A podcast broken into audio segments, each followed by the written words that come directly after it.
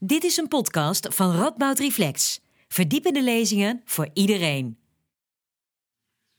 Twaalf sterren waken over donker Europa met hun zwakke licht. Twaalf sterren waken over donker Europa met hun zwakke licht.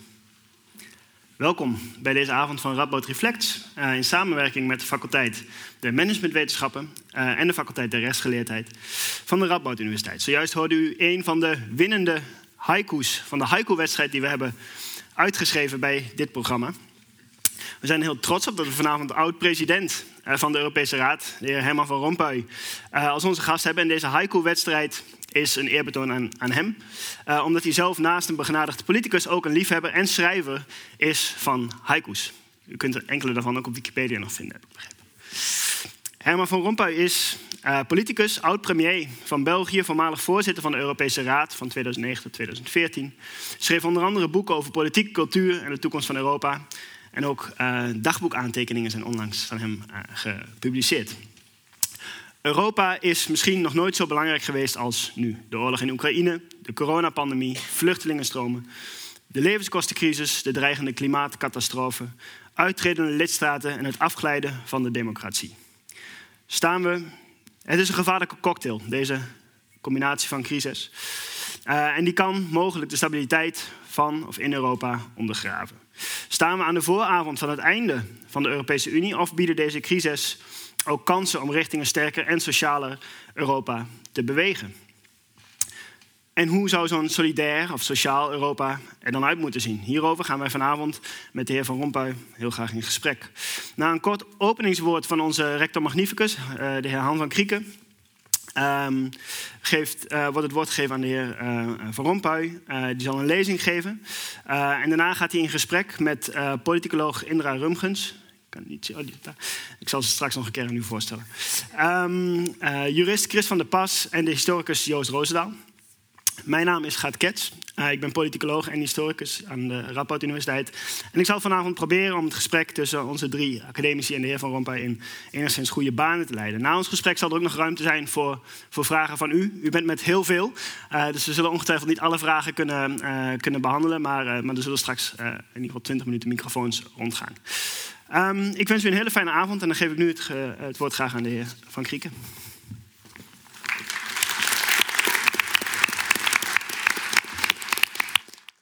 Dankjewel en uh, inderdaad namens de Radboud Universiteit van harte welkom op deze ongetwijfeld boeiende en interessante avond. Ik, fijn ook om zoveel mensen, zo'n diversiteit te zien in leeftijd en in discipline. Want ik heb mensen van allerlei verschillende faculteiten van onze universiteit uh, gezien.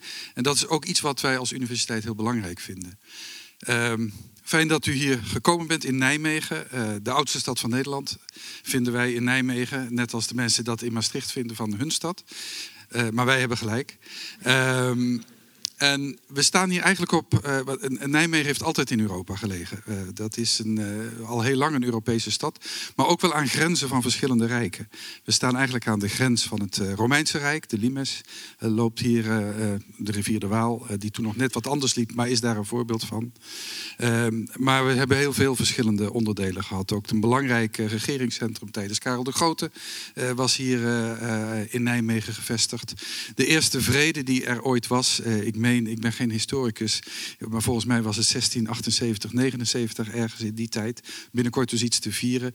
Eh, de eerste vrede eh, na een hele lange oorlog, eh, die door onderhandelingen tot stand is gekomen, de vrede van Nijmegen, die we regelmatig herdenken. Over een vrede die maar kort stand heeft gehouden, helaas. maar ook de, de grens van het bevrijde Nederland tijdens de hongerwinter lag hier de rivier de Waal. Dus een plek waar helaas niet heel veel meer van die geschiedenis te zien is. Je moet het weten om het te zien. Um, maar ik begreep dat u morgen daar wat uh, kans voor hebt. Uh, en dat is Nijmegen zeker ook. Um, als Radboud Universiteit hebben wij als missie uh, dat we er willen streven naar een gezonde vrije wereld met gelijke kansen voor iedereen. En dat doen we door jonge mensen op te leiden tot gewetensvolle betrokken burgers. Een woord wat we een belangrijk woord vinden. Door ons onderzoek, door ons onderwijs.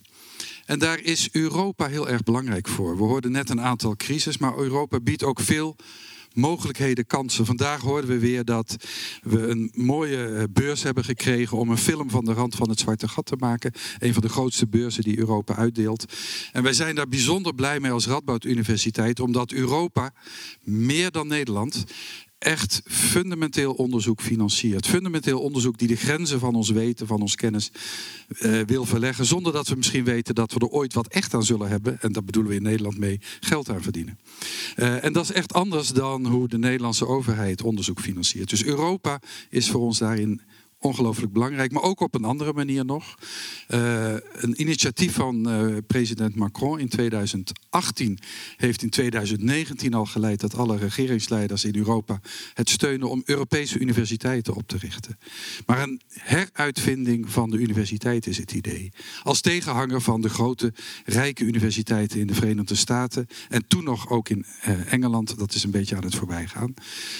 maar die Europese universiteiten verbinden een aantal universiteiten en de Radboud Universiteit is er de een van, uh, zodanig met elkaar dat onze studenten echt weer op meerdere plaatsen gaan studeren. Zoals Erasmus dat al, Erasmus dat al jaren geleden deed. Die studeerde aan verschillende universiteiten in Nederland, in België, in Engeland en in Basel. Dat doen onze, onze studenten op dit moment helaas minder. Veel gaan wel een keer naar het buitenland, maar naar één universiteit. En we hopen dat binnen vijf jaar het heel gewoon wordt om aan vier, vijf universiteiten te studeren. En dat is dankzij Europa en de mooie kansen die dat biedt. Deze avond gaat uh, ook over de crisis die er zijn en de rol van Europa. Maar ik wou toch beginnen met de mooie kansen die Europa ons allemaal biedt en zeker de Radboud Universiteit. Ik kijk uit naar een mooie avond en ik geef bij deze graag het woord aan u, meneer Van Rompuy.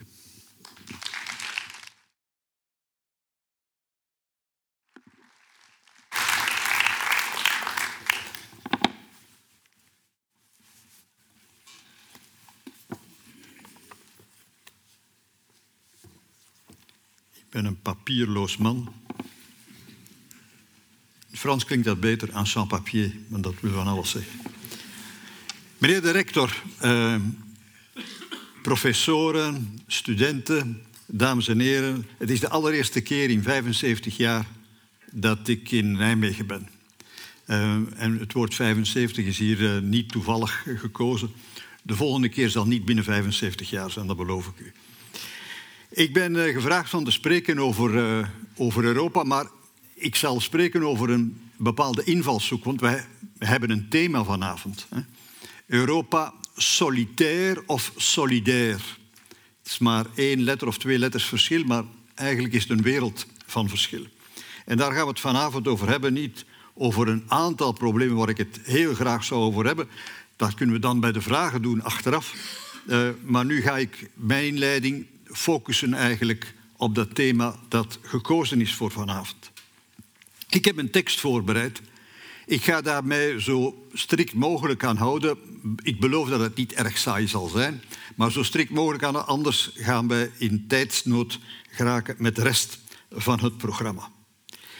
Dus dames en heren, de Europese Unie is gebouwd op samenhorigheid na de eeuwenlange vijandschappen. Als het gaat over solidair, en ja, dan is dat een ruim begrip. Dan gaat het niet alleen over, ik ga het zeggen, over inkomenstransfers. Dan gaat het ook over wat doen we samen. Wel, Europa is gebouwd, de Europese Unie, op samenhorigheid na eeuwenlange vijandschappen en oorlogen. En samen is voor de Unie een kernwoord. Het, is, het was het omgekeerde liever in het verleden. En ik verwijs daar dus naar de uh, zoveel oorlogen die we hebben gekend. Het is ook geen clubje, de Europese Unie, van landen die meer handel met elkaar willen drijven. De markt was eigenlijk een middel om landen met van elkaar afhankelijk te maken. Het idee van de stichters van de Europese Unie was: we gaan een markt creëren waar dat dan iedereen met elkaar handel drijft, zodat men van elkaar afhankelijk is. En door afhankelijk te zijn, is eigenlijk de prijs voor oorlog ontzettend groot geworden. Degene die oorlog voert, die verarmt zichzelf, want die legt de handel stil. Dus met andere woorden, de markt was geen doel, geld was geen doel, het was eigenlijk een middel om te komen tot vrede, om te komen tot samenhorigheid. In, men heeft dat trachten van toepassing te brengen buiten de Europese Unie. Onze Duitse vrienden noemden dat wandel handel. En ze dachten dat zij president Poetin daarmee konden verleiden. Wij weten wat daarvan terecht is gekomen. Wat van kracht was, of wat dat geldig was binnen de Europese Unie, die transformatie door met elkaar handel te voeren, blijkbaar op het globale niveau, op het mondiale niveau, werkt dat niet eh, of niet in de mate dat men verhoopt had. Het gaat in de Europese Unie, en dat klinkt een beetje romantisch, het gaat en het ging om een common destiny. Om eigenlijk een gezamenlijke lotsbestemming. We zitten in dezelfde boot. En dat project, dat idee, dat was ook zo aantrekkelijk dat ook andere Europese landen daar lid willen van worden. We zijn met zes vertrokken, we, zijn, we waren met 28, nu zijn we met 27, maar we hebben eigenlijk een wachtzaal vol met landen die lid willen worden van de Europese Unie. In die zin is de EU, afgaande naar het aantal kandidaten die we nog altijd hebben, afgaande daarop is de EU nog altijd een sexy gedachte. Ik durf het bijna in Nederland niet uitspreken. Het succes uh, het inhoudelijk succes brengt ook mee dat de Unie zich verdiepte. Uh, het is niet alleen een zaak van meer, met meer te zijn. Het is ook een, een, een grote transformatie die men inhoudelijk heeft tot stand gebracht. Naast een gemeenschappelijke markt, ik leg de nadruk op het woord gemeenschap. Naast een gemeenschappelijke markt wou men ook een gemeenschappelijke munt. En dat verbond nog meer. Hè. Economisch gesproken was het ook logisch. Als je het vrij verkeer van goederen, van diensten, van kapitalen, van mensen hebt, wel, zeker als het gaat over goederen en diensten, dat wordt gehinderd doordat men verschillende munten nog altijd had voor de lancering van de euro. Dus bij een gemeenschappelijke markt hoort eigenlijk een gemeenschappelijke munt. Er is ook een samenwerking gekomen op domeinen die voorbij de economie gaan, zoals het klimaat, zoals het buitenlands beleid, zoals veiligheid, ontwikkelingssamenwerking, wetenschappelijk onderzoek. Nu steeds meer ook onderwijs. De rector heeft er allusie op gemaakt. Het gaat ook over visa enzovoort. Het woord EU, Europese Unie, verving de oude naam, de meesten onder u kennen die niet eens meer, de EEG, de Europese Economische Gemeenschap. Dat alles is geen toeval. Die, dat, dat, die uitbreiding en die verdieping van de Unie die is gewild en die is eensgezind beslist. Tijdens de crisis van de eurozone, daar gaan we het zelfs nog meer over hebben, stonden wij weer voor het koppel van verantwoordelijkheid en van solidariteit. Wat doen de lidstaten zelf, wat moeten ze zelf doen om het geheel in stand te houden? Hier in het geval uh, het, uh, wat nodig is om een gemeenschappelijke munt te houden. En uh, welke solidariteit onder de lidstaten is er nodig om daar ook op een andere manier een succes van te maken. En we hebben dat gezien, de landen onder wat we noemen onder programma, under program. Griekenland, Ierland, Portugal en soms zelfs voor een deel Spanje, die moesten drastisch hervormen. En in ruil kregen ze leningen van de andere landen. En die, die leningen, dat was eigenlijk een vorm van solidariteit. Het eerste, ze moesten eigenlijk hun huis op orde stellen. Die maatregelen werden voorgesteld door een trio van instellingen, de Europese Commissie, de Europese, het Internationaal Monetair Fonds en de Europese Centrale Bank. Maar feitelijk waren, de financiële markten die dat opdrongen. De financiële markten geloofden niet meer, niet alleen meer in de toekomst van die individuele landen die in problemen raakten, maar ze geloofden niet meer in de toekomst van de eurozone zelf. En dat was natuurlijk een hele moeilijke zaak. En te lang heeft men eigenlijk gefocust om op orde te stellen die landen, Griekenland, Ierland en Portugal voornamelijk. En te weinig heeft men eraan gedacht dat de eurozone zelf eigenlijk moest versterkt uh, uh, en verdiept worden, wilde zij geloofwaardig zijn voor diezelfde financiële markten. Die financiële markten zelf, we gaan daar niet te diep op in, die reageerden uh, op een ongelooflijk irrationele wijze. Bij momenten was het vertrouwen in de eurozone soms minder dan in sommige Afrikaanse landen. Gans het debat dat ook in Nederland is gevoerd, eh, tussen, in, in, in de crisis van de eurozone. Gans dat debat heeft de kloof tussen het noorden van, van Europa en het zuiden van Europa heel sterk verdiept, helaas. Bij de discussies over het herstelprogramma tijdens COVID in 2020 heeft men daar de lessen uitgetrokken. En zeker Duitsland. Duitsland, samen met andere landen, heeft eigenlijk mede ervoor gezorgd, en dat is geen verwijt, ik weet hoe moeilijk dat allemaal is, dat die crisis van de eurozone 2,5 jaar heeft geduurd. Bij de COVID-crisis trok men al de conclusies na 2,5 maand. Ik heb het niet over het gezondheidsaspect, dat waren voornamelijk nationale bevoegdheden, maar dan ging het over hoe krijgen we die, op, die economie opnieuw op gang. Dus men trok daar al snel de, de, de conclusies uit uit die, die lange, lange eurozonecrisis, waar de spanningen binnen de eurozone tussen Noord en Zuid hoog waren opgelopen. Als we spreken over solidariteit, dan gaat het dus ook over samenhorigheid op tal van domeinen. Dus solidariteit is, zoals ik daarnet zei, is meer dan alleen maar geld, is alleen, meer dan alleen maar inkomenstransfers. Maar nu, zover het daarover gaat, wel, is dat ook niet onlogisch. We hebben in de Europese Unie enorme sommen vrijgemaakt, sedert eigenlijk het begin van de Unie, om landen die minder goed presteren dan het gemiddelde, om die te helpen om eigenlijk de achterstand goed te maken. Eigenlijk zijn het niet landen, zijn het dikwijls regio's, dus delen van landen eh, die het niet zo goed hebben. En hoe krijgen we die eigenlijk mee in de vaart van de volkeren? En dat was logisch in die zin, als je één markt creëert, dan creëert je eigenlijk bijna noodzakelijk ongelijkheden. Als je één markt creëert, dan zijn het eigenlijk de sterkeren die nog sterker worden en de zwakkeren die nog zwakker worden. Omdat het natuurlijk interessant is van te gaan naar die streken waar het goed gaat. Niet alleen mensen, maar ook investeringen. Dat noemt men de wet van de cumulatieve verrijking de cumulatieve armoede. Die komt helemaal niet van Karl Marx, die komt van bekende, zelfs meer liberale economen. En dus als je de markt creëert, en dat deden we in de Europese Unie, dan moet je ook eigenlijk solidair zijn. Omdat er in de markt ongelijkheden zijn en we moeten ervoor waken dat er zo min mogelijk ongelijkheden zijn. Dat is de achterliggende regering, redenering die ze bij dat alles. En in sommige landen doet men dat ook, of in de meeste landen doet men dat ook intern in elk van onze landen. We hebben ook in elk van onze landen de sociale welvaartsstaat gecreëerd. Het fameuze Rijnland-model, waar dat België, Nederland, eh, Duitsland, Italië eigenlijk hele goede voorbeelden van zijn.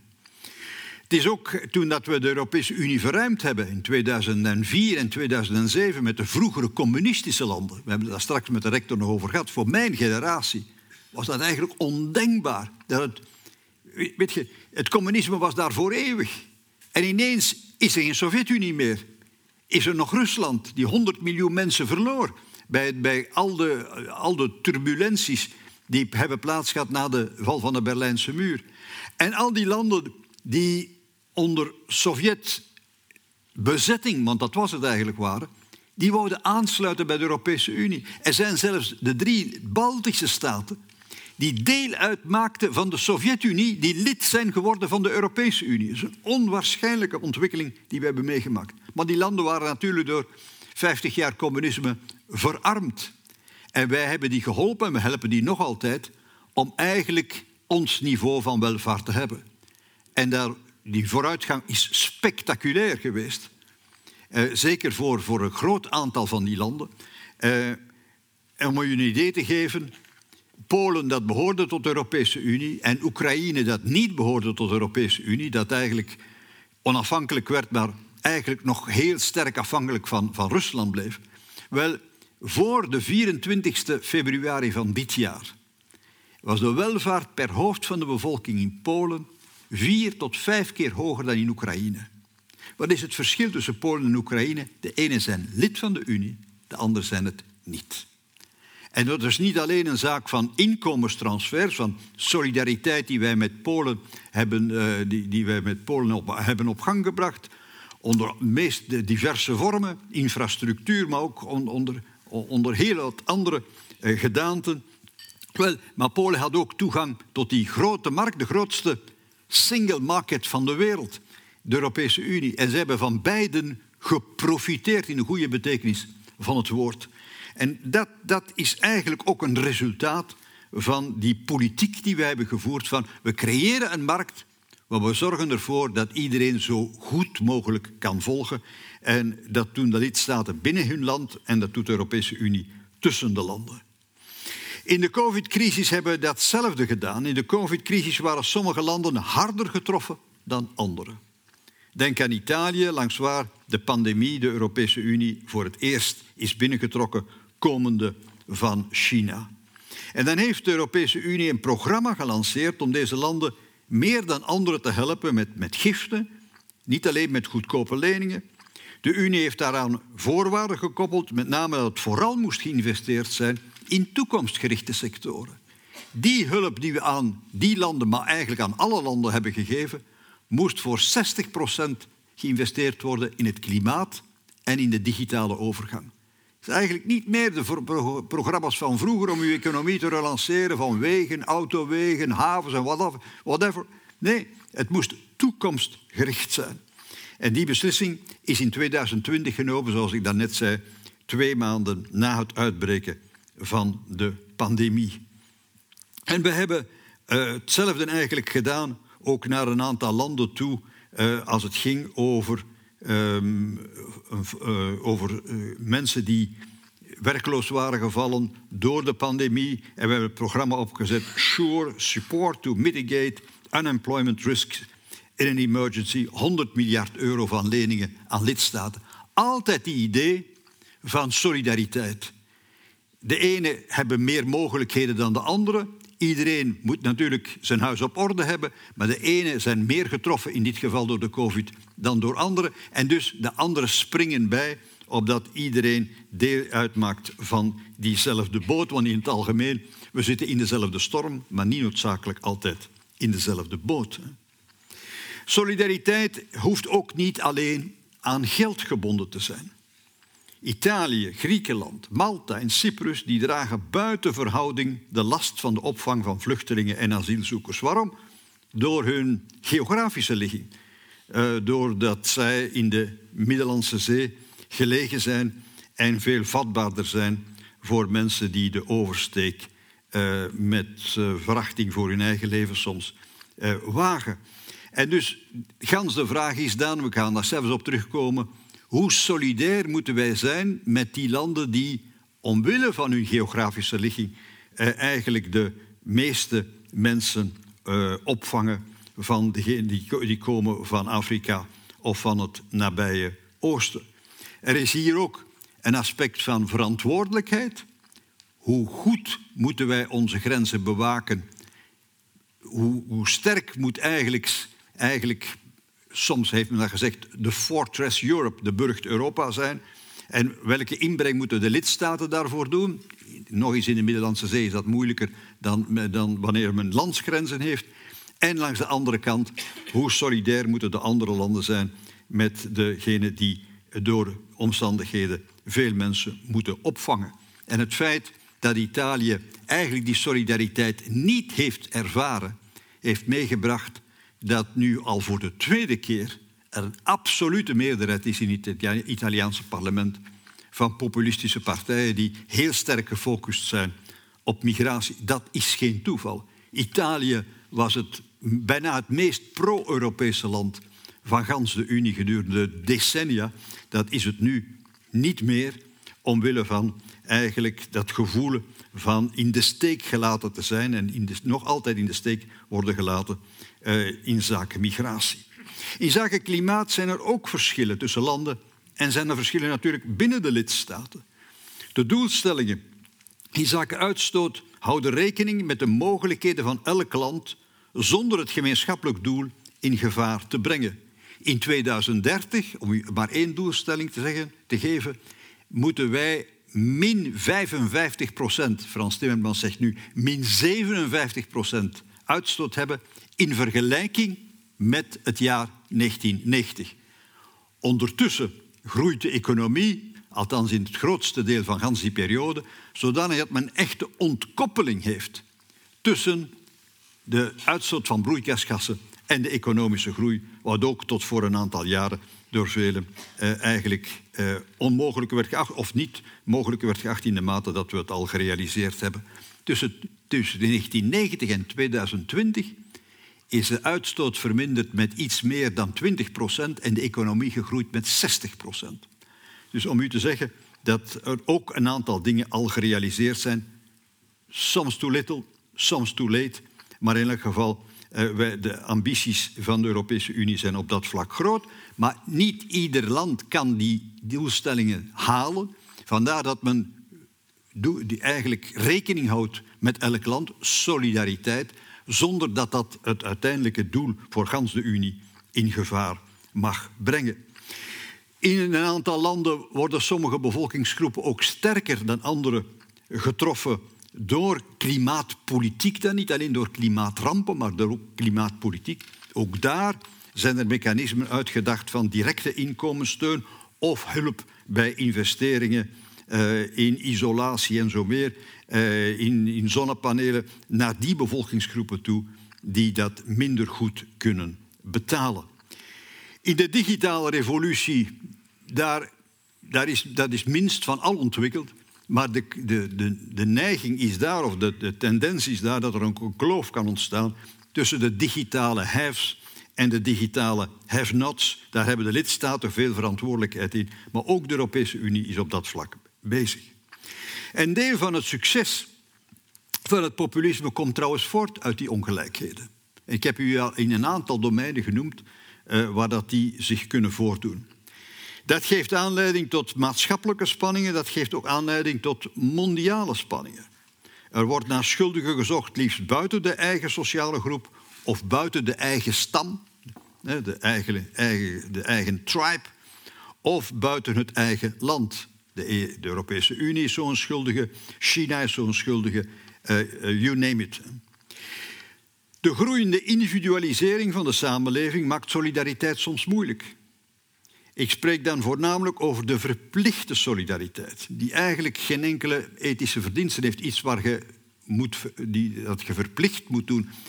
Als je belastingen betaalt, zeg je ook solidair, maar het is een verplichte solidariteit. Het is niet omdat je dat graag doet, dus het ethisch gehalte is niet groot.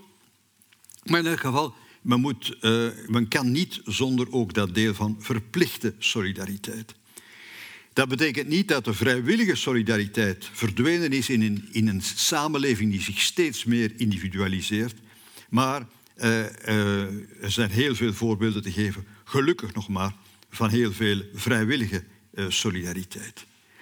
Die individualisering heeft ook een vertaling op een breder vlak, onder de vorm van allerhande fobieën, meest gekende is islamofobie, nationalisme en, en verschillende vormen, anti-EU, anti-globalisering en zo meer.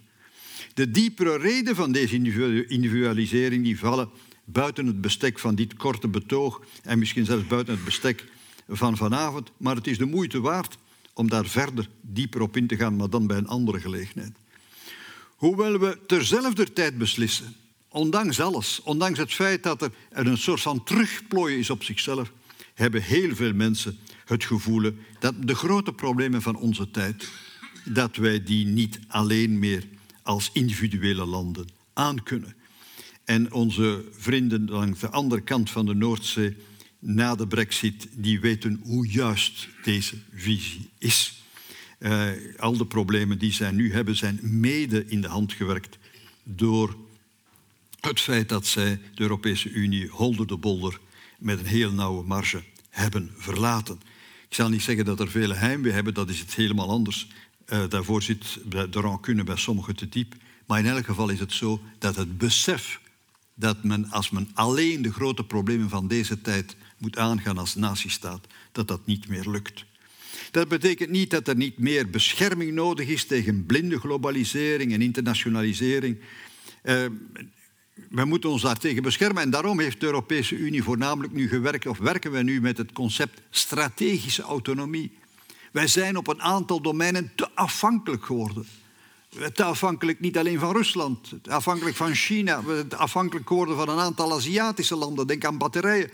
We zijn afhankelijk geworden van grote digitale Amerikaanse bedrijven. In de Trump-periode uh, dreigden we van afhankelijk te worden van de grillen van de Amerikaanse president. En dus het gevoelen van, ook in Europa, van op een aantal domeinen moeten wij niet of niet meer of veel minder afhankelijk zijn van andere grote spelers op wereldvlak.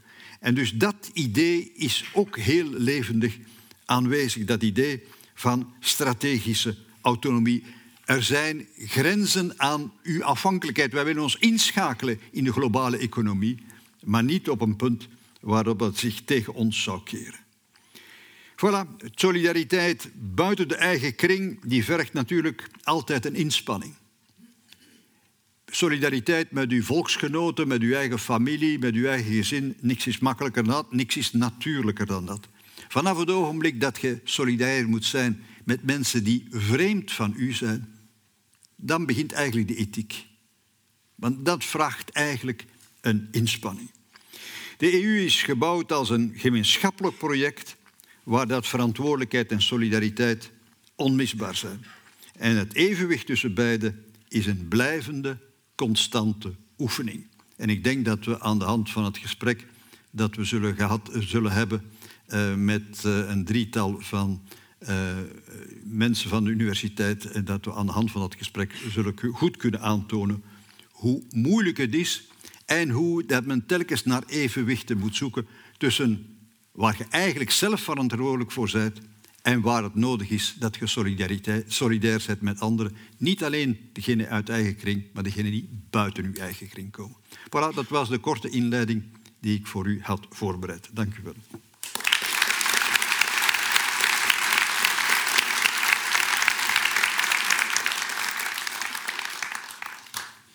Heel mooi. Heel veel dank, meneer Van Rompuy, voor dit, uh, voor dit verhaal. Ik ook, ook, dankzij de woorden van, van de heer Van Krieken moet ik misschien mijn sombere openingspraatje ietsje bijstellen. Ik, ik denk dat uh, crisis en solidariteit vaak op gespannen voet met elkaar lijken te, te, staan. Maar ik heb nu ook ingezien dat veel crises ook tot solidariteit kunnen, kan leiden. Uh, denk aan de coronapandemie, waarin op verschillende manieren en op verschillende niveaus eh, solidariteit is getoond. Ik denk hier aan Nijmegen, waar met veel solidariteit, denk ik, uh, Afghaanse en, en, Syrische vluchtelingen en recent ook Oekraïnse vluchtelingen zijn, zijn opgevangen. Um, ik denk ook aan de internationale hulp voor Oekraïne, uh, wat denk ik ook een, een, toonbeeld is van solidariteit in tijden van, van crisis. Um, omdat het veel over, over die economische dimensie is gegaan, wil ik eigenlijk beginnen met een vraag aan, aan Indra Rumgens, politicoloog. Indra, jij doet onderzoek naar wat de heer Van Rompuy zojuist verplichte solidariteit noemt. Um, het, het, Europese belastingbeleid. Um, en mijn eerste vraag is eigenlijk of je in je onderzoek naar, naar het Europese belastingbeleid, of de discussies daarover, of je in die debatten veel vormen van solidariteit bent tegengekomen. Ik dacht dat wij hier waren om vragen te stellen en niet om te vragen. Ja, mag dadelijk. Ja. uh, ja, dat klopt. Ik, um, uh, doe promotieonderzoek naar het belastingbeleid van de Europese Unie. En dan met name hoe de Europese Unie al decennia probeert uh, gezamenlijk de winsten van bedrijven te belasten. Dat gebeurt nu op, basis van nationale wetgeving. En er zijn sinds de jaren 60 van de vorige eeuw ideeën om dat gezamenlijk in Europees verband te doen.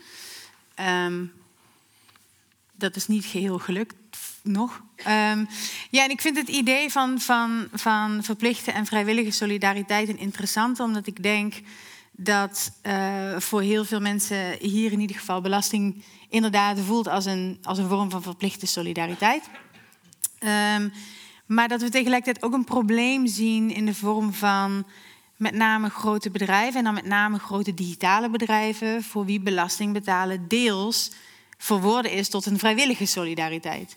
Um, uh, en je ziet dat een aantal Europese uh, landen, een aantal lidstaten van de Europese Unie, um, dat mogelijk maken. En als je dan kijkt naar hoe er onderhandeld wordt binnen de Europese Unie over belastingbeleid, dan zijn dat ook vaak de landen die dwars liggen in besluitvorming. Ja. Ja. Is dat een voldoende antwoord op ja, Mij meer dan voldoende. Ja.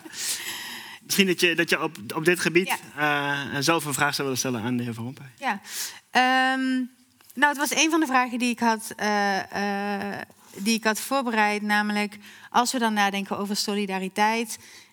Um, het, het, bestaan van deze, ik noem het belastingparadijzen. Je kan het ook laagbelaste jurisdicties noemen. Of aantrekkelijke uh, bestemmingen voor, uh, voor bepaalde bedrijven of rijke individuen. Als we die uh, um, Europese landen, dan heb ik het dus over ons eigen land, Nederland, maar ook Luxemburg, Ierland, Malta, Cyprus.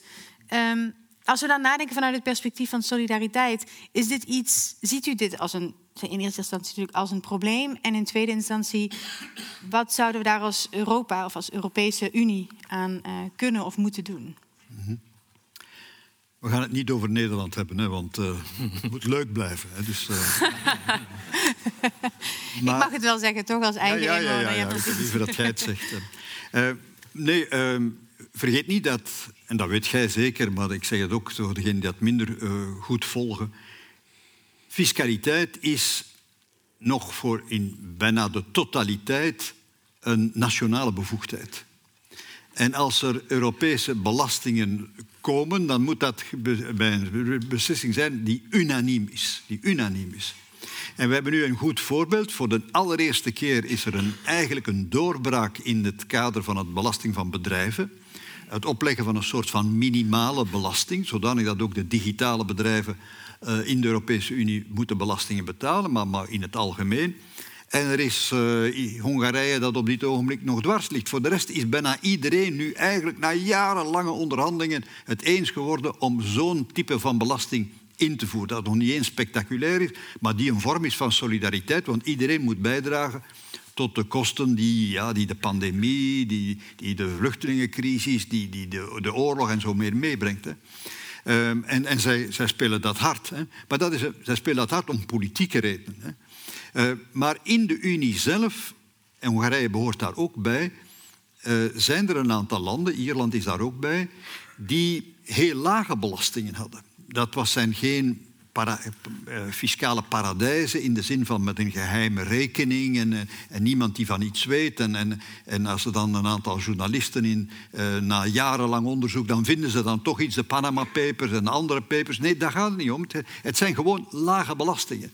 Omdat die zeggen, voor ons is dat een manier om onze economie er bovenop te helpen. Dat was de Ierse filosofie, dat is ook de filosofie van een aantal landen, onder meer zoals, uh, zoals uh, Hongarije.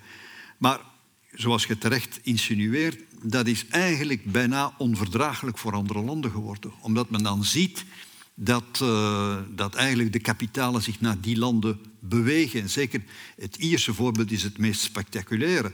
Ierland was in problemen gekomen in de crisis van de eurozone, maar is daar razendsnel uitgekomen. Razendsnel. En ik gun dat allemaal. Maar daar heeft het fiscaal statuut dat ze hebben, een hele lage 12 of 13 procent eh, belastingvoet, heeft daartoe bijgedragen. En bovendien uh, zijn zij ook altijd aantrekkelijk geweest voor Amerikaanse bedrijven, dat daar Engels wordt gesproken. En zij krijgen dan nog bovendien een toetje bovenop uh, in het kader van een fiscaal cadeau. En dat heeft enorm geholpen. Dus dat, dat, is eigenlijk niet tegen de, dat is tegen de filosofie van een gemeenschappelijke markt met gemeenschappelijke regels. Maar nu komt er het argument bij van de solidariteit. Mm -hmm. uh, en, en, dat heeft nu eigenlijk de, onder Franse stuwing, want de Fransen waren daar eigenlijk altijd voorstander van geweest, maar onder Franse stuwing uh, is men bijna tot een akkoord als men de Hongaren, ik weet niet hoe ze dat zullen doen, de Hongaren kan over de streep trekken. Die zullen wel een, een, hele sterke politieke en een financiële prijs vragen. Dan is dat er eindelijk. Mm -hmm. Maar het is een zaak van de lidstaten. De Europese Unie zelf, dat is geen beest dat daar, of geen, niet in, iets dat in de wolken leeft. Hè. Die leeft bij de gratie van de lidstaten. Als er niks gebeurt, dan is het omdat de lidstaten willen dat er niks gebeurt. En op belastingvlak is het nog duidelijker, omdat daar alle beslissingen unaniem moeten zijn. Dus als er één ontbreekt, gebeurt er niks. Gebeurt er niks. Dan mag de commissie alle mogelijke voorstellen voorstellen. Doen ze ook? Dat doen ze ja, al tientallen jaren bijna. Ik heb het nooit anders geweten. uh, met, met, uh, met afkortingen waarin ik zelf niet meer in staat ben van het allemaal te, correct uh, te herhalen. Maar, maar als de lidstaten niet willen, gebeurt er op het Europese vlak niks. En vindt u dat dat zou moeten veranderen? Dat we, dat we van die unanimiteit af moeten? Of dat er een Europese belastingdienst zou moeten komen? Ja, ik vind dat persoonlijk. Maar ik weet uit een kleine ervaring die ik heb van vijf jaar... Ik zou me daar niet te veel energie in steken. Ja, ja, oké. Ik zou me niet te veel energie in steken en ik zou doen wat de Fransen gedaan hebben rond een bepaald concreet project. Er trachten te zorgen dat men allemaal eigenlijk akkoord is en dan kan men vooruit. Maar ik zou geen abstracte discussie openen over uh, moet dat unaniem zijn of mag daar een gekwalificeerde meerderheid voor zijn. Dat verliest je van op voor en dan beginnen anderen dat tast aan onze nationale soevereiniteit aan. Als ze het zelf mee kunnen beslissen rondom bepaalde projecten, des te ja. beter. Ja. Hm. Je wil nog een vraag stellen? Ja, nog een laatste korte vraag? Doe maar. Uh, nou, ik wou, ik wou eigenlijk teruggrijpen op een ander onderwerp uh, waar, u het net over, waar u net over hebt gesproken. Ja? Um, namelijk de coronacrisis. Want solidariteit is natuurlijk altijd makkelijk in goede tijden en een heel stuk moeilijker in tijden van crisis. Um, en zoals u al zei, vergeleken met de eurozonecrisis kwam er heel snel het besef er moet een Europese aanpak komen, want landen zijn verschillend getroffen.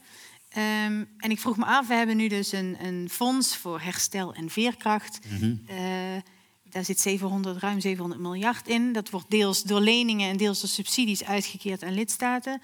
En vindt, is dit vanuit uw perspectief van solidariteit, is dit voldoende? Had u het anders graag gezien?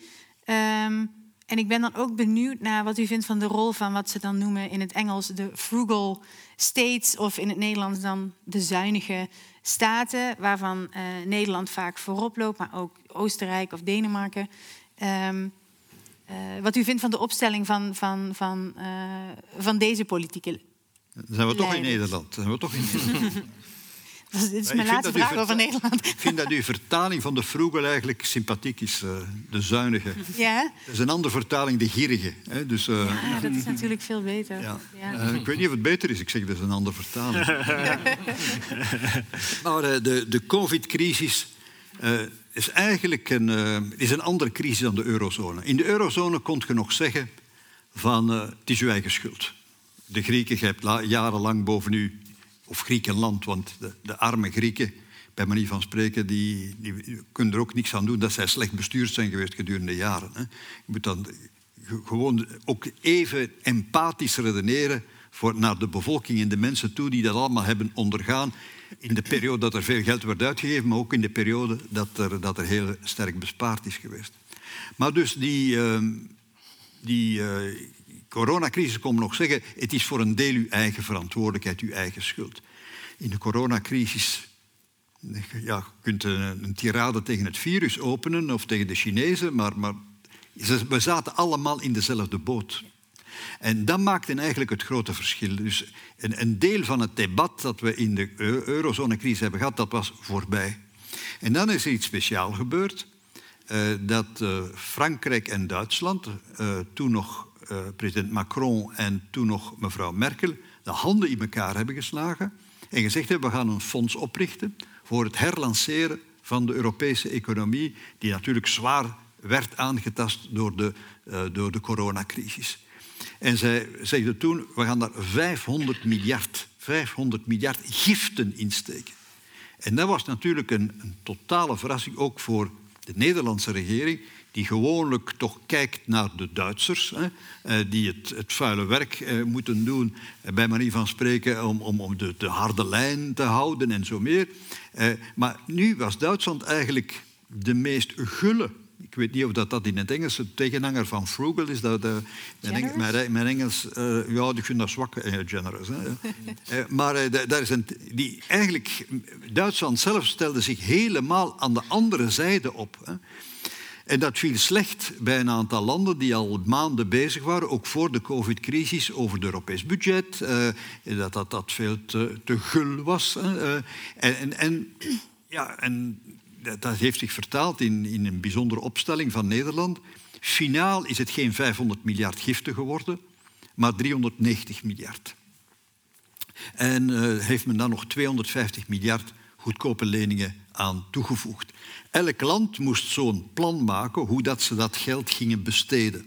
En het moest besteed worden minstens voor 40 procent aan het bestrijden van, van, van, de klimaatveranderingen. Dus het, het heeft, en, de Europese Commissie moest telkens land per land nakijken. Sommige landen zijn nog niet helemaal klaar. Uh, of dat dat wel uh, beantwoordt aan de oorspronkelijke doelstellingen. En dat is natuurlijk een, een hele andere benadering geweest dan in de eurozonecrisis. En een hele andere benadering geweest van Duitsland.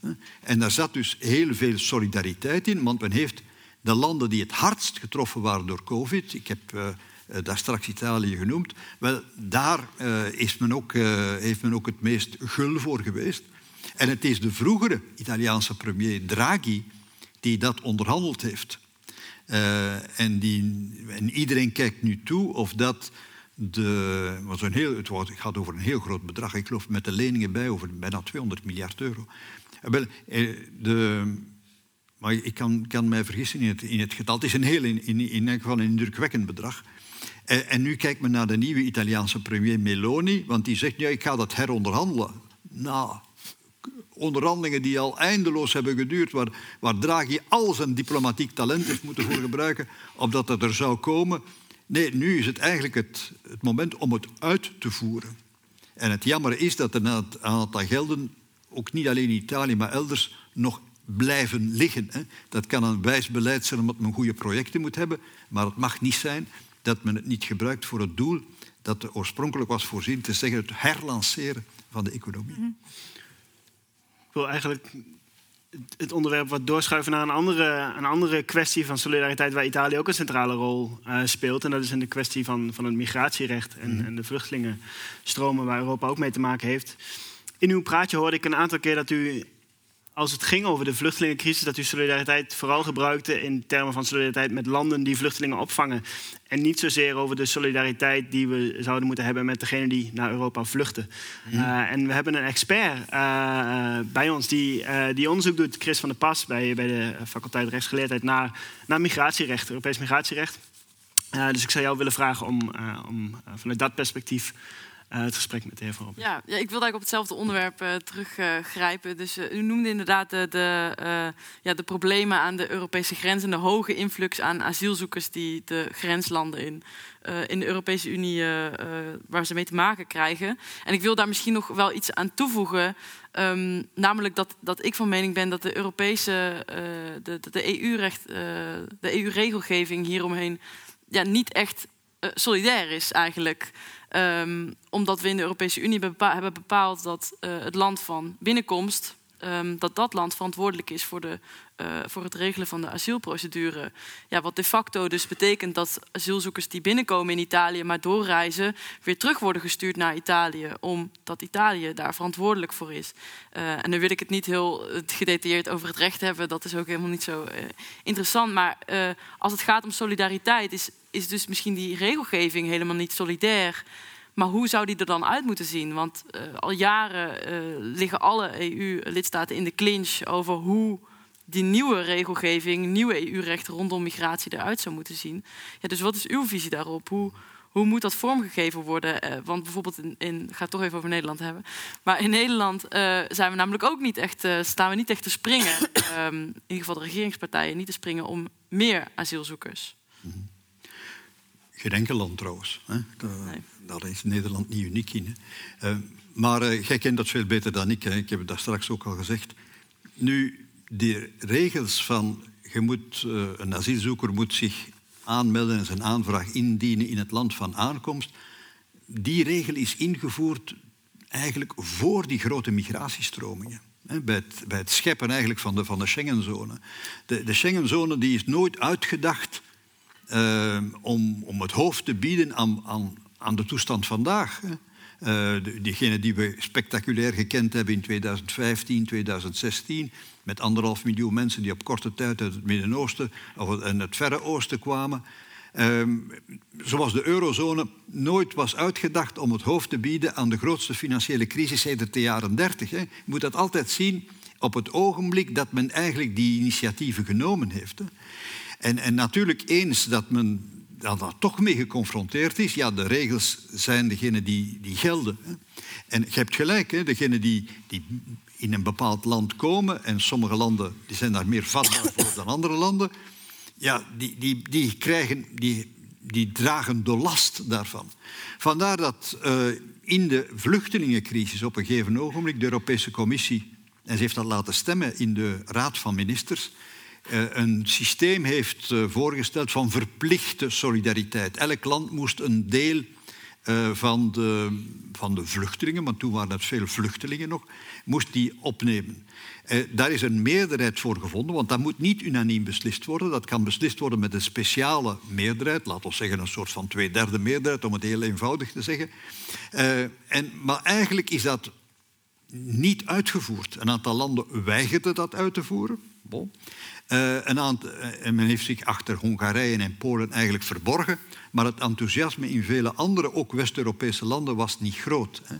Dus dat, dat, dat aspect van het hervormen van de Schengenzone uh, en dat een, een, iemand die zich aandient in dat land moet, de procedure moet inzetten.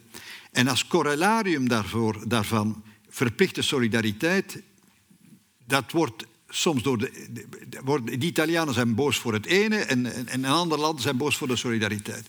En dus dan is een poging ondernomen, en die is nog altijd lopende, van die regels te herzien. Uh, maar als er één crisis is waar we geen, eigenlijk niet uit zijn geraakt met gemeenschappelijke akkoorden, dan is het de vluchtelingencrisis.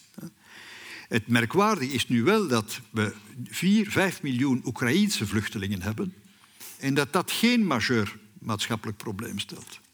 Waarvan natuurlijk 3 miljoen, meer dan 3 miljoen in Polen alleen. Hè. Polen die geen 3000 vluchtelingen wou opnemen uit Syrië, Afghanistan en Irak. Hè ontvangt er nu 3 miljoen Oekraïners. Ik juich dat toe, hè? maar ik kan er niet naast kijken van te zeggen er is wel een verschil met het voorgaande. Hè?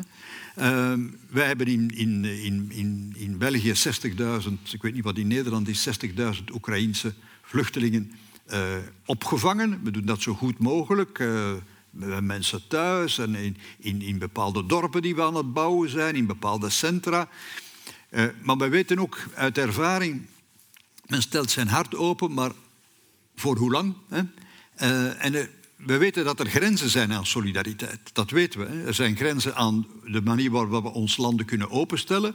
Er zijn grenzen ook aan de solidariteit. En dus dat evenwicht tussen, tussen die verschillende componenten, tussen solidariteit tussen de landen, mensen die naar hier zijn gekomen, verspreiden over de verschillende landen en het herzien van de regels, wat men noemt de Dublin-regels, uh, dat, dat hebben wij nog niet gevonden. De commissaris spant zich in. Ik heb hem al verschillende keren bezig gehoord uh, met allerhande ingenieuze formules dat de solidariteit ook financieel kan zijn, dat je moet betalen, dat je niet noodzakelijk mensen moet opnemen enzovoort. Maar hij heeft dat evenwicht nog, uh, nog, nog niet gevonden. We moeten ons natuurlijk wel wel haasten. Hè? Want onze grenzen zijn broos en fragiel. Hè? Als er niemand binnenkomt, moet er niet meer solidair zijn, want dan komt er niemand niet binnen. Uh, het enige waar men in Europa op dit ogenblik het echt eens over is, is van het zo goed mogelijk afsluiten van de grenzen. Vandaar dat we het akkoord met Turkije hebben gehad, dat eigenlijk nog redelijk functioneert, zelfs tot op de dag van vandaag. Een akkoord met Libië, waarvan niemand goed weet wat er eigenlijk mee overeen is gekomen. Uh, uh, maar dat ook nog redelijk, redelijk functioneert. Uh, maar er zijn nog andere. Hè, met Spanje heeft een apart akkoord gesloten met Marokko. Hè. Dus eigenlijk we zijn het over niks eens, behalve dat de grenzen beter moeten beschermd worden. Maar daar hebben we ook veel tijd laten verloren gaan. Hè. We hebben nu een Europees agentschap dat jij kent, je kent dat veel beter dan ik, Frontex. Hè wat voeten in de aarde heeft niet gehad om daar 10.000 man voor te vinden. En ze zijn er nog niet allemaal. Ze zijn er nog niet allemaal. Maar wij weten dat dat Frontex-agentschap dat voor de bewaking van de grenzen moet instaan, dat dat nog veel beter moet bewand zijn en een nog groter mandaat moet hebben.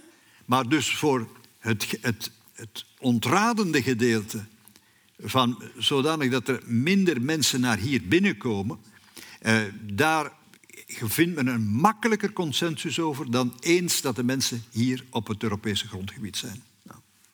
Ja, ja, daar wil ik misschien wel op inhaken. Want ik, eh, ik zie dat ook, dat die ontwikkeling die u schetst... dus, dus uh, de Europese lidstaten zijn het heel erg eens over... Ja, we noemen dat dan het externaliseren van migratiebeleid. Dus uh, de, de grenzen van Europa eigenlijk steeds verder buiten de Europese Unie proberen te leggen. Dus migratie binnen het Afrikaanse continent aan banden proberen te leggen... door bijvoorbeeld ontwikkelingshulp afhankelijk te maken van...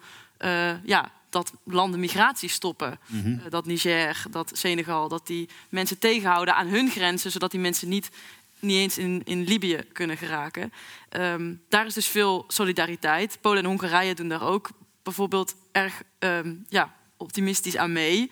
Uh, er wordt ook wel gezegd dat zij daardoor proberen andere problemen een beetje te verbloemen, door juist hier heel erg goed uh, mee te doen. Um, maar mijn vraag is dan een beetje, ja, moet solidariteit dan uh, boven alles gaan. Want dit zorgt voor uh, problemen op het Afrikaanse continent, waar ook eigenlijk een vrij reizenzone is, evenals het Schengengebied dat wij hier hebben. En de Europese Unie probeert daar nu uh, ja, grenswachten te plaatsen, Frontex, waar u het over heeft. Die is ook actief in Afrika. En ja, ik vind daar persoonlijk wel wat van. Maar ook ja, in het kader van mensenrechten is daar heel veel voor te zeggen. Dus moet solidariteit dan echt ja, boven alles gaan. Moeten we dan maar toejuichen dat, dat de Europese lidstaten in ieder geval hier consensus over kunnen vinden? Ik zou dat geen solidariteit noemen, wat dat Frontex doet. Ik zou dat eerder noemen het, uh, het bewaken van de externe grenzen. Solidariteit is eigenlijk het verdelen. Ik vind een verschrikkelijk woord, want het gaat over mensen. Uh, van, van mensen die hier op, het, op ons grondgebied zijn, over de verschillende lidstaten, zeker als het gaat over, over vluchtelingen. En, en, en of, of waar dat iedereen bijdraagt, eh, degene die geen vluchtelingen willen opnemen, financieel bijdraagt tot de kosten die andere landen dragen. Dat, ik zou hier het onderscheid willen maken tussen externe bewaking van de grenzen en solidariteit. Dat zijn twee verschillende begrippen. Ja, een aantal landen zijn een beetje radeloos. Hè. Weet wat in Groot-Brittannië, daar hebben ze zelfs uh, een, een, asielcentrum opgericht, denk ik, in, in Rwanda. Hè. Dan worden de mensen van, van, van Londen of van Lancashire of van, van de Yorkshire uh, naar, naar, naar, uh, naar uh, althans dat was de bedoeling, hè, naar, naar Kigali gezonden om, om, om daar eigenlijk de, de, procedure te ondergaan. Daar zijn ideeën, geweest, ook in de Europese Unie, die op niks hebben geleid. Hè, van, van in Noord-Afrika zones te creëren waar dat eigenlijk het, de asielprocedure zou, zou moeten doorlopen worden en, en zo meer. Er is natuurlijk in, in onze, moet ik niet hier zeggen, maar dat is ook bij ons in Vlaanderen het geval, weet je. Uh, er, er, is een, een, een, vrees bij velen van, van, ja, van eigenlijk in een samenleving terecht te komen waar men zich minder thuis in voelt. Ik, ik, ik druk mij zo voorzichtig mogelijk uit. En dus er, er is een zekere migratie, migratie of migratiefobie aan het groeien. En, en, en die, men schrikt daar ook niet meer terug voor allerhande middelen te gebruiken om dat waar te maken. Zelfs schendingen van het humanitaire recht. Frontex is zelfs beschuldigd van schendingen van het humanitaire recht, waar dat wij gewoonlijk zeggen, wij zijn de kampioenen van de, de Union of Values. Dus uh, er is een soort van radeloosheid die, die zich meester maakt, niet van individuele landen, maar ook van de Unie als een geheel, ook onder stuwing van een groot deel van de publieke opinie, van hoe kunnen we in godsnaam die grenzen beter beschermen? En dan zijn, bijna zijn we op het punt van dat alle middelen daarvoor goed zijn. Nu, langs de andere kant mag ik toch één ding zeggen. Wij staan natuurlijk voor de volgende decennia, ik zal het zelf niet meer meemaken, wel voor een gigantisch probleem. Langs de ene zijde is het oude Europese continent eigenlijk aan het uitsterven bijna. We zijn niet de enige. China heeft hetzelfde probleem, Japan heeft hetzelfde probleem, niet de Verenigde Staten. In sommige landen, Italië, Spanje, voor het einde van deze eeuw gaat de bevolking met ongeveer een derde verminderen. Stelt enorme problemen. De, de, de, de Groot-Brittannië vandaag met de brexit ervaart dat nu voor de eerste keer. Zij kan geen beroep meer doen op die honderdduizenden mensen die niet eens uit het nabije oosten kwamen, maar van de Europese Unie kwamen ik weet niet hoeveel er nu zijn, maar op een gegeven moment waren er in 800, 900.000 Polen die woonden in, in, in, uh, in Groot-Brittannië. Als gevolg van de COVID, als gevolg van een totaal gebrek aan verzorgend personeel, heeft men vandaag de National Health Service een wachtlijst van 52 weken voor 400.000 mensen voor operaties, terwijl dat, dat getal, die 400.000, 1600 was voor COVID, voor in 2016. En dus men ziet voor welke gigantische problemen wij komen te staan. Gigantisch. Hè? En eh, hoe, vangen we dat dan, hoe vangen we dat dan op? Op dit ogenblik, ik weet niet hoe dat in Nederland is, maar in België, we spreken over recessie. Maar er is een arbeidsschaarste in vrijwel alle sectoren. Alle sectoren. Ik ken geen sector die het niet heeft. En dan, het andere extreem is dat we op het Afrikaanse continent staan voor een, een explosie van, van de bevolking. Zij zijn nu met 1 miljard 2 ik heb statistieken van de Europese Unie gezien en ik weet wel, voor demografie moet men altijd voorzichtig zijn, maar die kunnen gaan tot 4 miljard mensen op het einde van de eeuw. En dat zijn onze buren. Die wonen vlak bij ons. Alleen de Middellandse Zee scheidt of verbindt ons. Dus wij staan, wij staan nog voor enorme uitdagingen. Nog voor enorme uitdagingen. En je weet, als men dat tegenwoordig zegt, het is een challenge, dat wil zeggen, het is een probleem. Een groot probleem. Dan noemt men dat, het is een uitdaging. Het is een uitdaging. Maar ik gebruik bewust dat woord om, uh, om het leuk te houden. Ja. ik wil eigenlijk vanuit die uitdaging terug naar, naar de oorsprong van de Unie, de oorsprong van Europa. Uh, we hebben hier ook als een van de experts Joost Roosendaal zitten, historicus van onze universiteit. Wat was precies die rol van solidariteit? De heer Van Rompuy heeft er al kort aan gerefereerd in zijn, in zijn uh, verhaal. Van, van solidariteit in totstandkoming van Europa. Ja, de heer Van Rompuy die sprak er al over. Eigenlijk uh, is uh, Europa en de Europese samenwerking geboren uit oorlogen. De Tweede Wereldoorlog, daarna wist men, dit moet niet meer gebeuren. Uh, in eerste instantie waren het een, een aantal kleine klein groep landen, met name Frankrijk en Duitsland, die zeiden: we hebben nu drie grote oorlogen met elkaar gevoerd. Dit moet niet meer gebeuren. En we gaan op uh, gebied van kolen en staal gaan wij samenwerken. En dat is het eerste samenwerkingsverband uh, geweest. Nou, tijdens de Koude Oorlog zien we dat die onderlinge solidariteit in West-Europa sterk gegroeid is. En dat werd ook een. Dat Europese project was vooral ook een project wat ook een, en dat werd al even gerefereerd, de economie was een middel.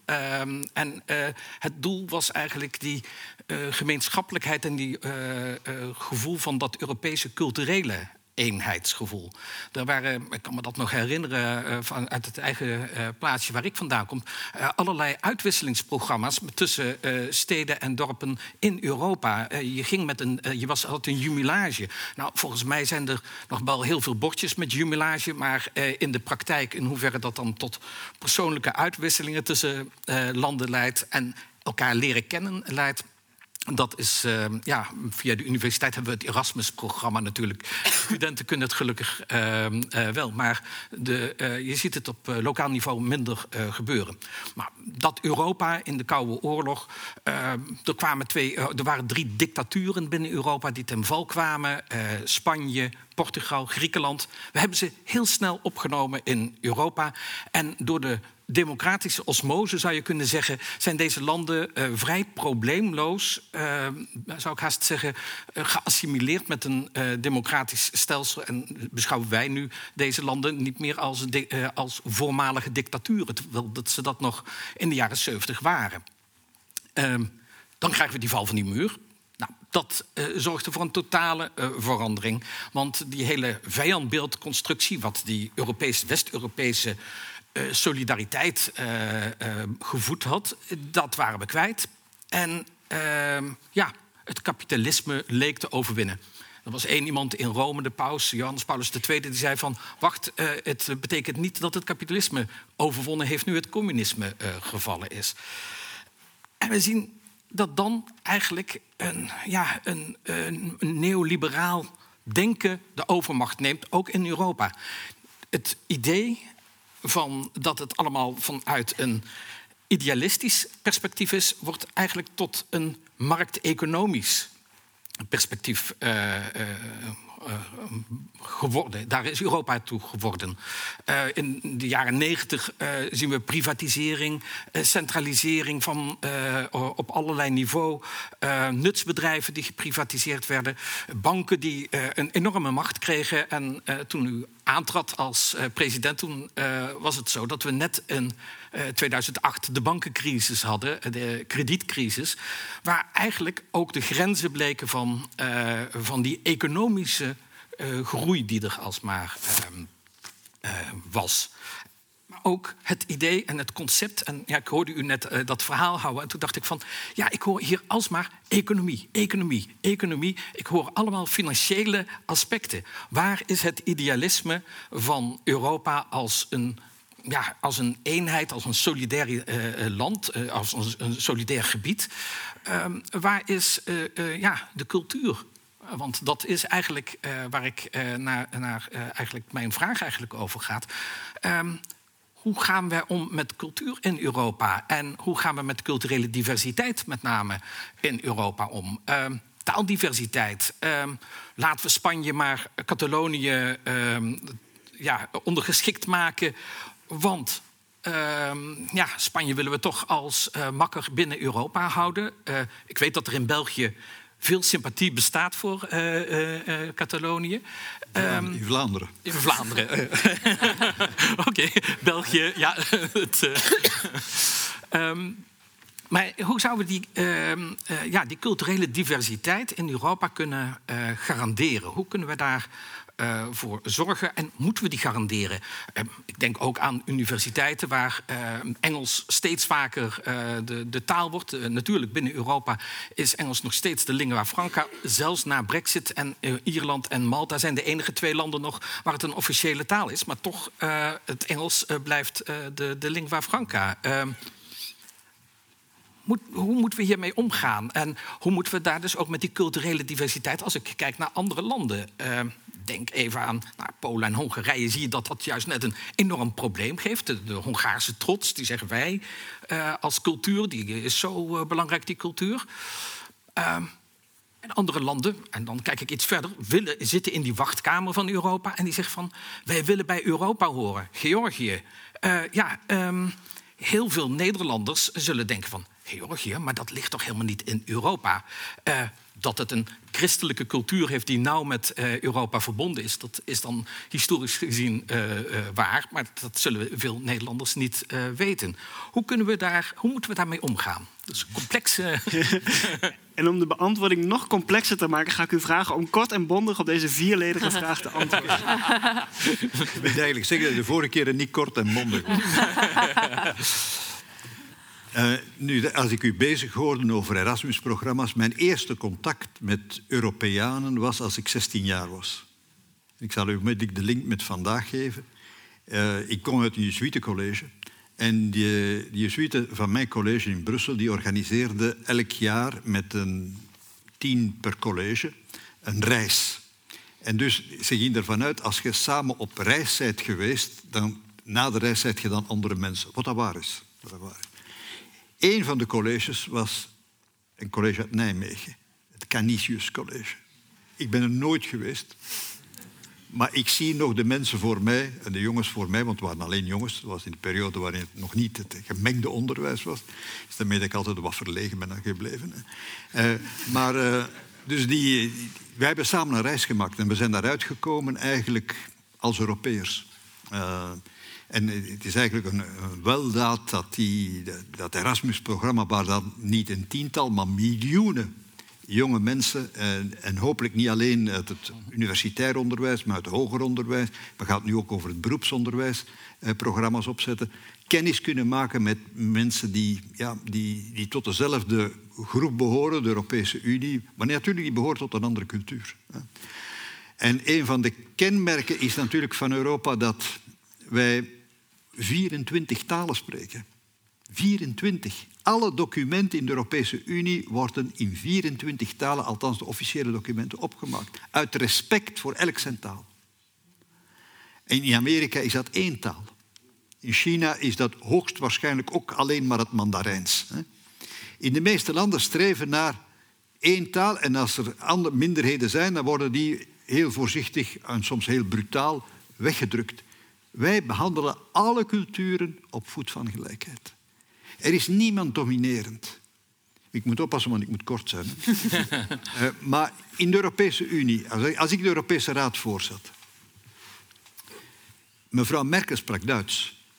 Elke spreekt de taal die, zijn eigen taal, de taal die hij kiest trouwens. Ik heb niet zoveel Nederlands gehoord, maar dat is een ander debat. Maar zij spreekt Duits. Wie verstaat er Duits? De Luxemburger, de Nederlander, de Oostenrijker. En als het de Belg een Vlaming is, van een vorige generatie, dan verstaat hij Duits. maar dat is alles, hè? dat is de machtigste persoon in de Europese Raad. Werd, als ze spreekt, door vier mensen verstaan. De rest moet naar zijn ding grijpen. Ik ga niet, niet per taal... Maar, maar Frans is nog erger. Hè? Daar is het ook de Luxemburger. Daar is het ook uh, de, de, de, de Belg, want daar, daar, daar, staan we allen twee. En dat was Berlusconi, die verstond Frans. uh, maar daarmee is het ook gedaan. Daarmee is het ook gedaan. Dus eigenlijk, wij zitten daarop eigenlijk op, vrij op voet van gelijkheid. En dat is vrij uniek, dat men dus al die, al die culturen eigenlijk blijvend respecteert in hun eigenheid. En dat moet ook zo blijven. Dat moet ook zo blijven. En er moet geen, ik, ik vind niet dat we moeten proberen van symbiose te hebben of van wat een gemeenschappelijke taal. We hebben het ene keer gedaan. Voor het indienen van een brevet in de Europese Unie kunnen maar vier of vijf talen gebruiken.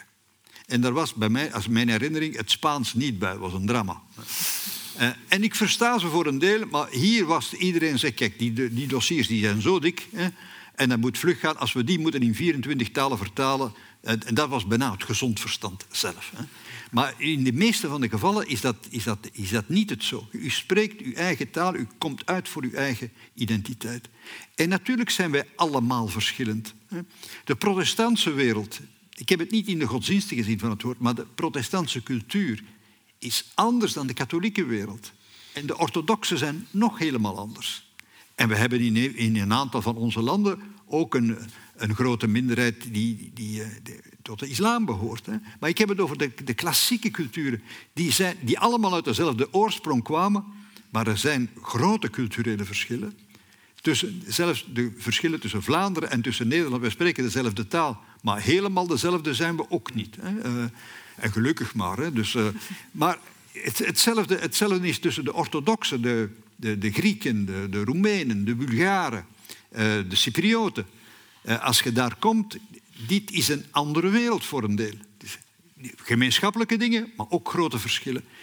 En we moeten die houden, en we moeten die zelfs koesteren. Hè. Onderwijsbeleid is natuurlijk een, een enorme bevoegdheid voor de deelstaten, voor de, voor de lidstaten. In mijn land voor de deelstaten zelfs. Hè. In, in, in, in Duitsland is dat ook het geval. Uh, maar waar we kunnen, moeten we samenwerken. We hebben daar straks met de rector nog over gehad met die, al die groeperingen, die clusters die nu van universiteiten zijn en die ze allemaal als heel verrijkend uh, beschouwen. Dan natuurlijk, de bedoeling is ook van dat daar ook iets uit voortvloeit, hè, bij manier van spreken. Immaterieel, niet alleen in termen van research, en, en, maar ook een, gewoon een verrijking door, hè, op het niveau van professoren, op het niveau van studenten. En, en, voor velen is dat een ontdekking, want elk zit toch maar in zijn, eigen, in zijn eigen ding. Leest wel artikels vanuit de vreemde, maar heeft eigenlijk met mensen zelf eh, veel te weinig, veel te weinig te maken. Dus ik zou onze diversiteit koesteren ik zou nog meer eh, uitwisselingen hebben op het vlak van toerisme is al zo, op het vlak van studenten, van scholieren, van, van universiteiten, van bedrijven.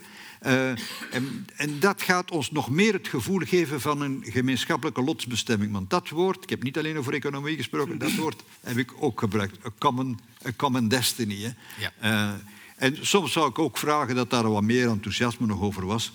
Uh, dat weet ik. Maar u weet hoe dat, dat gaat een idee, een nieuw idee, dat wekt altijd meer enthousiasme. En, en, en daarna, daarna mindert dat. Sommigen hebben dat vergeleken met een huwelijk. Mijn vrouw is er niet, dus stop met die beeldspraak.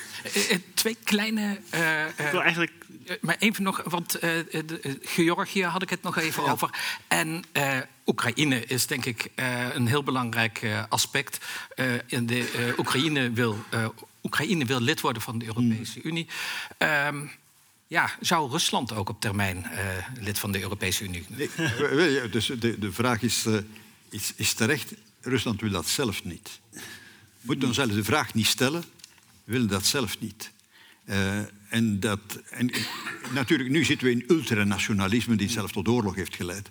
Maar zelfs een, een, een normaal Rusland heeft een geschiedenis, heeft een, eh, heeft een, eh, ja, een, een mindset, een cultuur, die daar eigenlijk, denk ik, niet geschikt voor is. Maar dat is, zal uw eigen beslissing zijn. Hè? Ik, zie, ik zie nog niet een opvolger van Poetin, want hij zal een opvolger hebben. Hè?